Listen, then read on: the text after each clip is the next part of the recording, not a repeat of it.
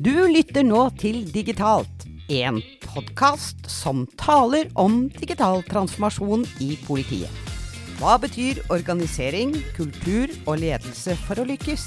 Hvilke rolle spiller teknologien, og hvordan lytter vi til brukerne våre?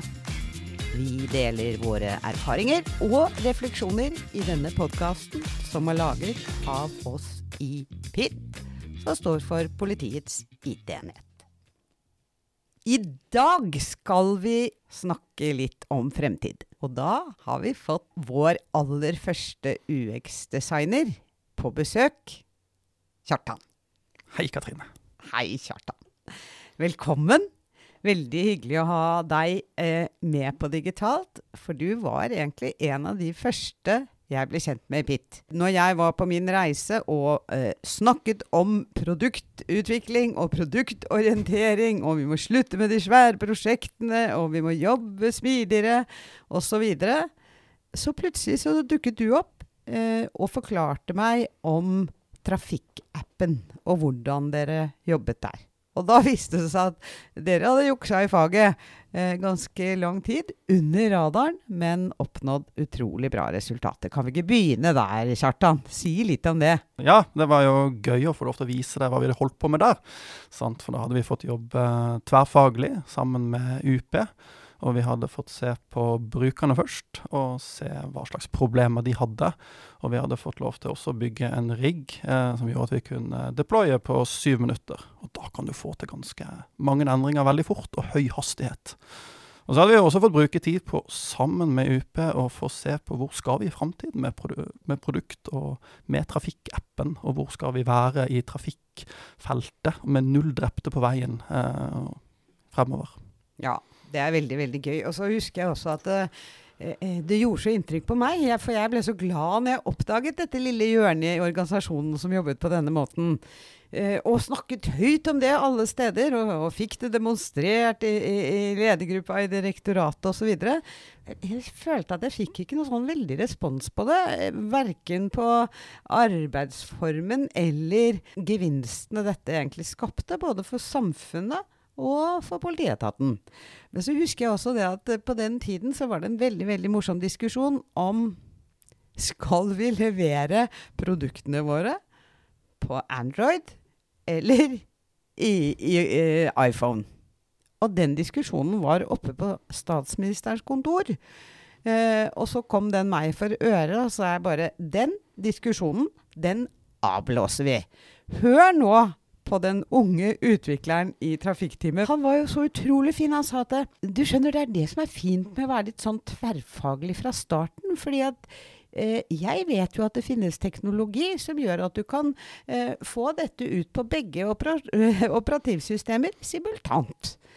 Eh, og, og, da husker jeg på en måte også at jeg tenkte oi, her er det veldig veldig mange gode bevis på at dette tverrfaglige hjelper.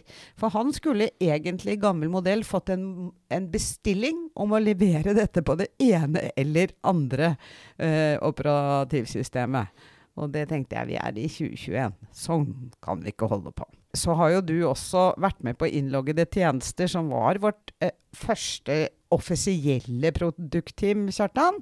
Og nå er du i vårt første produktområde. Så du er litt sånn uh, guy in the front.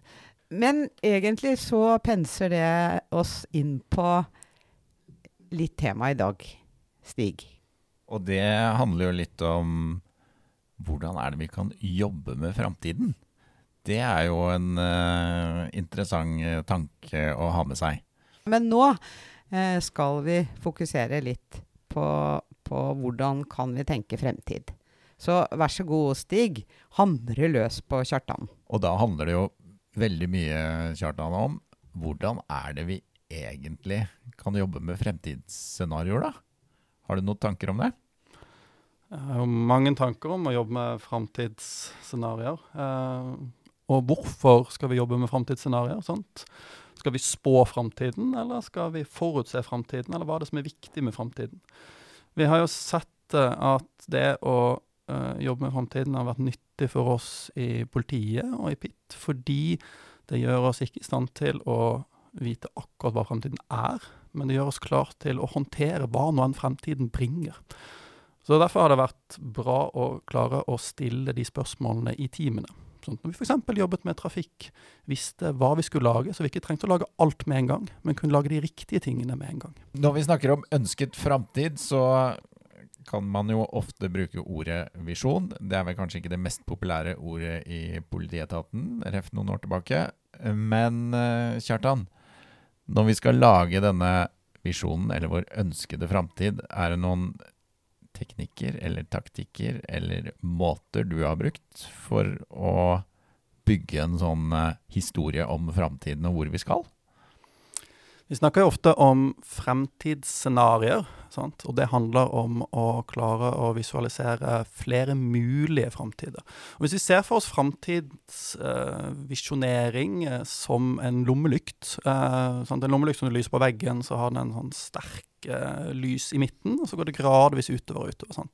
Og i midten der så har vi, har vi de plausible framtidene, de trolige framtidene. Og jo lengre ut ifra lysstrålen du går, sant, eh, jo større usannsynlighet blir det. Sant? Så vi snakker da om de sannsynlige framtidene, de plausible framtidene og de mulige framtidene.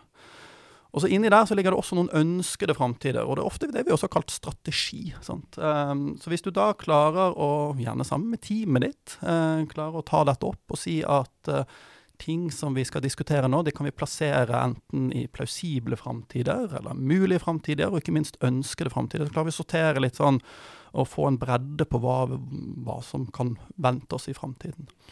Fordi her gjelder det jo å ha nok valgmuligheter til at du på en måte Det er litt sånn Du sprer deg ganske bredt for å prøve å eh, treffe i hvert fall innenfor et visst eh, sett med ideer eller tanker eller fremtidsscenarioer. Det stemmer sant at vi trenger å sammen å være tverrfaglige.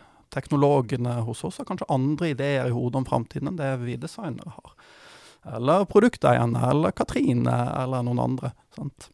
det, dette syns jeg er kjempeinteressant, fordi at uh, i stigende grad har jeg blitt opptatt av noe som jeg opplever kan bli et dilemma, nemlig eh, når designere graver i problemforståelse. Eh, så blir man veldig 'Her er problemet, og se her!' ikke sant? Vi har mange eksempler på det.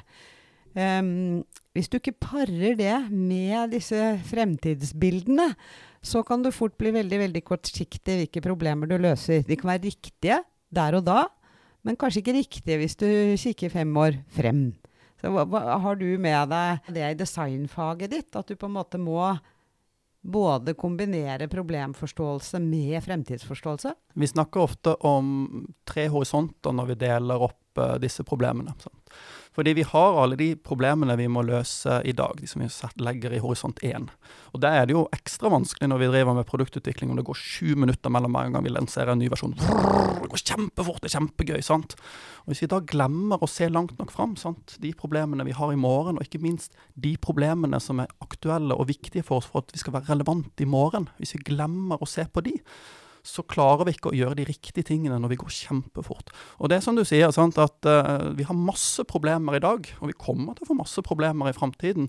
Og så må vi klare å balansere det, da, sånn at vi både håndterer de tingene vi må gjøre i dag, og klarer å samtidig bruke krefter på å se langt nok fram, se inn i horisont 3, sånn at vi vet hva vi må gjøre for å være relevant i morgen, ikke bare løse dagens problemer på samme måter.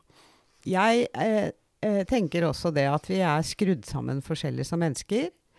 Noen har jo en ekstrem fantasi. Utrolig flinke til å, til å liksom male ut bilder eh, i, i, fantasien sin.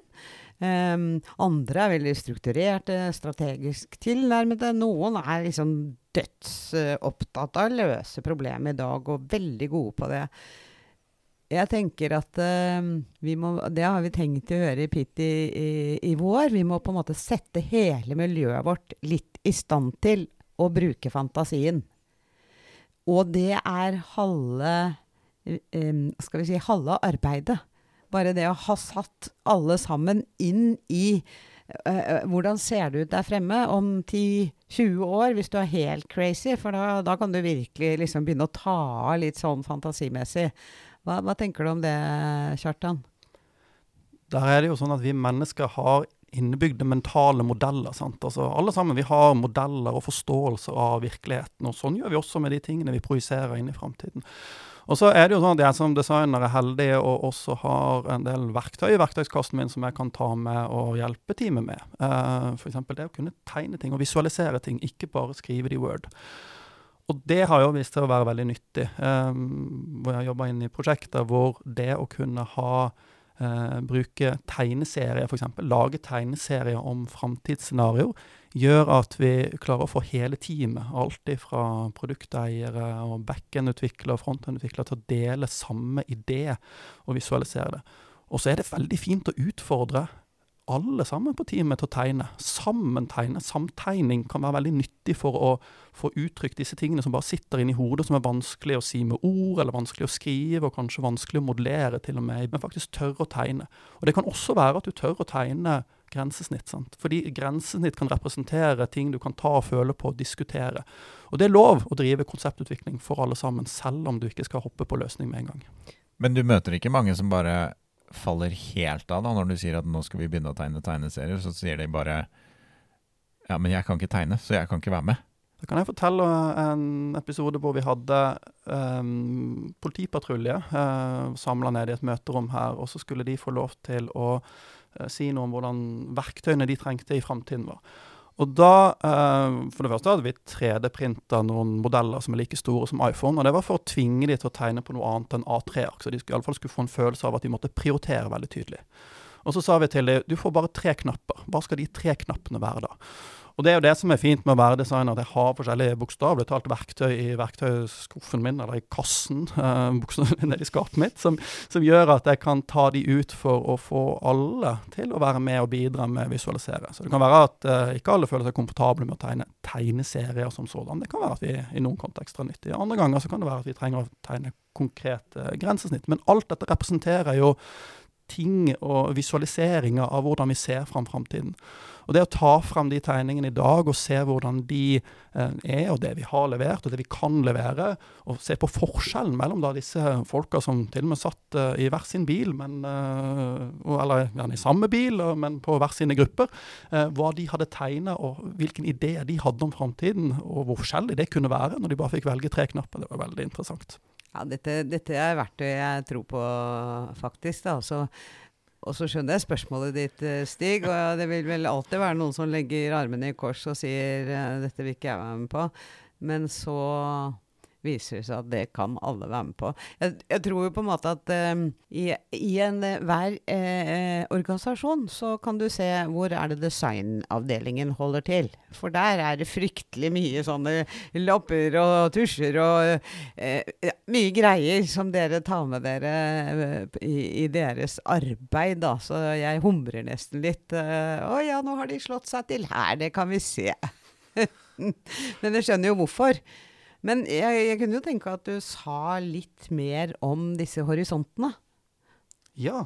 Hvor, hvor, liksom, hvor, det høres jo så enkelt ut, men hvordan vet du uh, hva er plausibelt, og hva er uh, liksom litt der fremme, og hva er kjempelangt der fremme? Og, og, hvordan er det med å styre kursen? For det er jo også litt sånn, akkurat som den tegningen som jeg akkurat snakka om, da, så det er jo litt sånn at hva mener du? Skal jeg spå ti år fram i tiden? Det er jo helt urealistisk.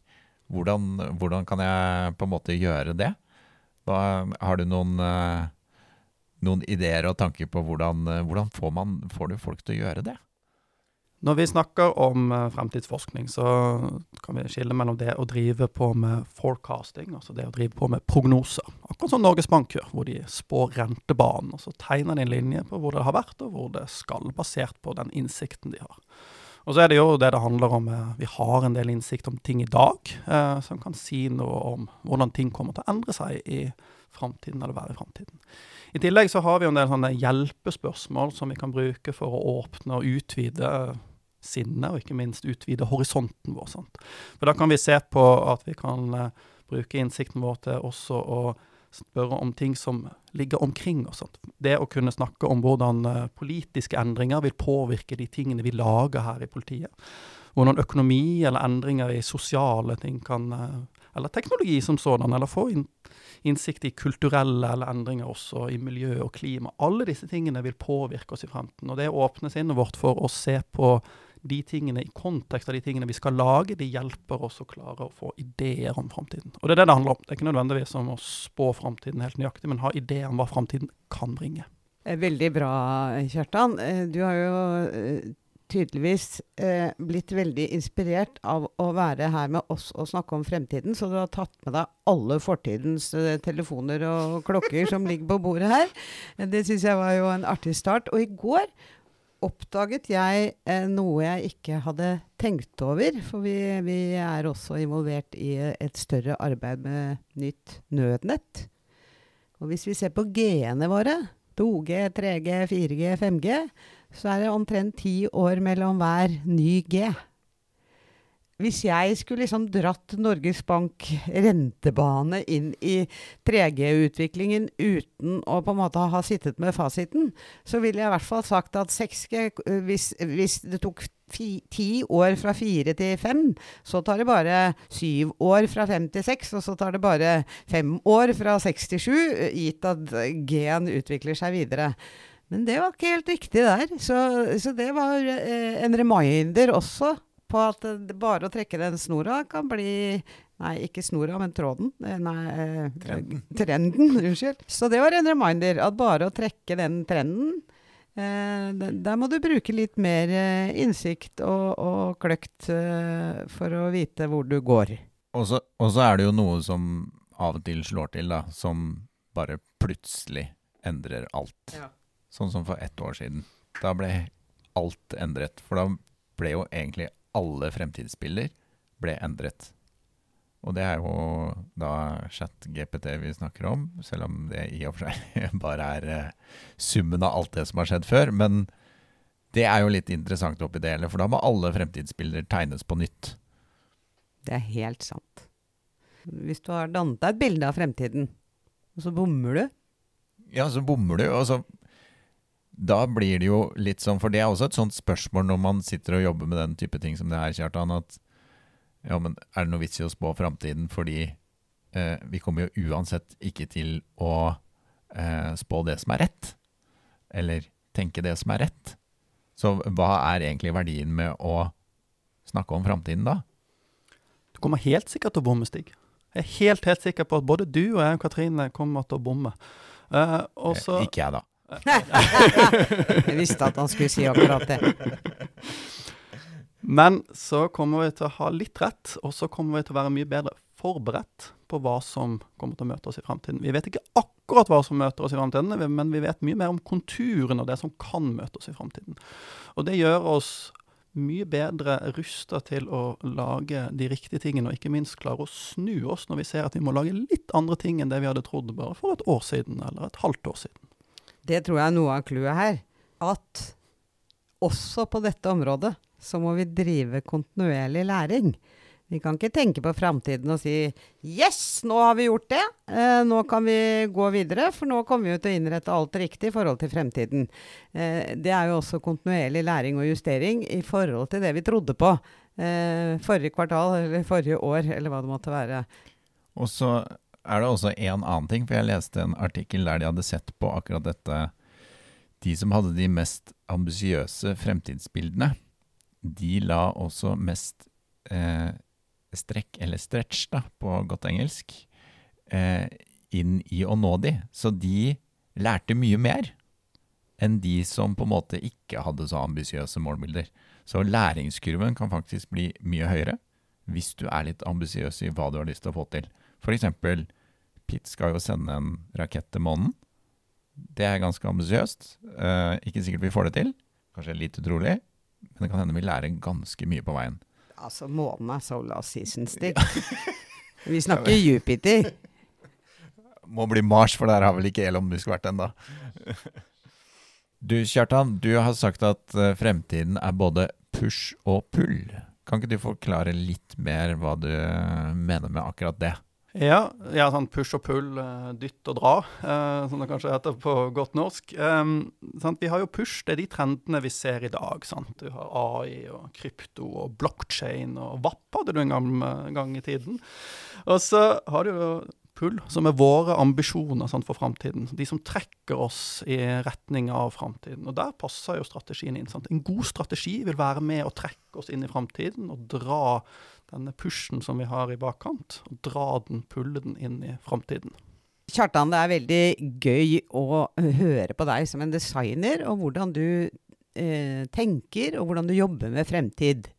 Og du gjør jo det i kontekst av de teamene du jobber med. Enten det er trafikk, eller, eller det er noe helt annet som du holder på med nå. Men hvis du skulle gi alle team der ute et godt råd på hvordan kan de bli bedre på å bruke fremtiden som et virkemiddel for å komme seg på rett vei. Hva, hva, hvordan kan du oppsummere noen gode råd til dem? Jeg har tre spørsmål som jeg ofte bruker inn i teamene. Hvilken framtid er det vi vil skape sammen? Og hvilken spirer ser vi til den framtiden som vi vil skape sammen? Og da er det viktig å begynne å se på hva er det som skapte de spirene, og hvordan kan vi skape flere spirer i teamene for å få til den framtiden som vi ønsker oss. Veldig bra sagt, eh, Kjartan. Og, og, og, nå tenker jeg at eh, vi skal oppsummere denne episoden av Digitalt. Da skal vi gjøre et lite frempek til neste episode. Nå har vi jo vært litt sånn forsiktige mot fremtiden. Og i neste eh, episode så får vi besøk av en som jeg vil si er liksom Han lever på en måte med huet sitt eh, fem år frem i tid hele tiden. Eh, så det får bli en surprise til våre lyttere. Men denne episoden, den tror jeg vi skal oppsummere med kloke ord fra både Kjartan og Stig, satt sammen av Katrine. Og da blir det Du kan ikke spå fremtiden, men det blir aldri feil å prøve. Du har nå lyttet til Digitalt, en podkast laget av Pitt.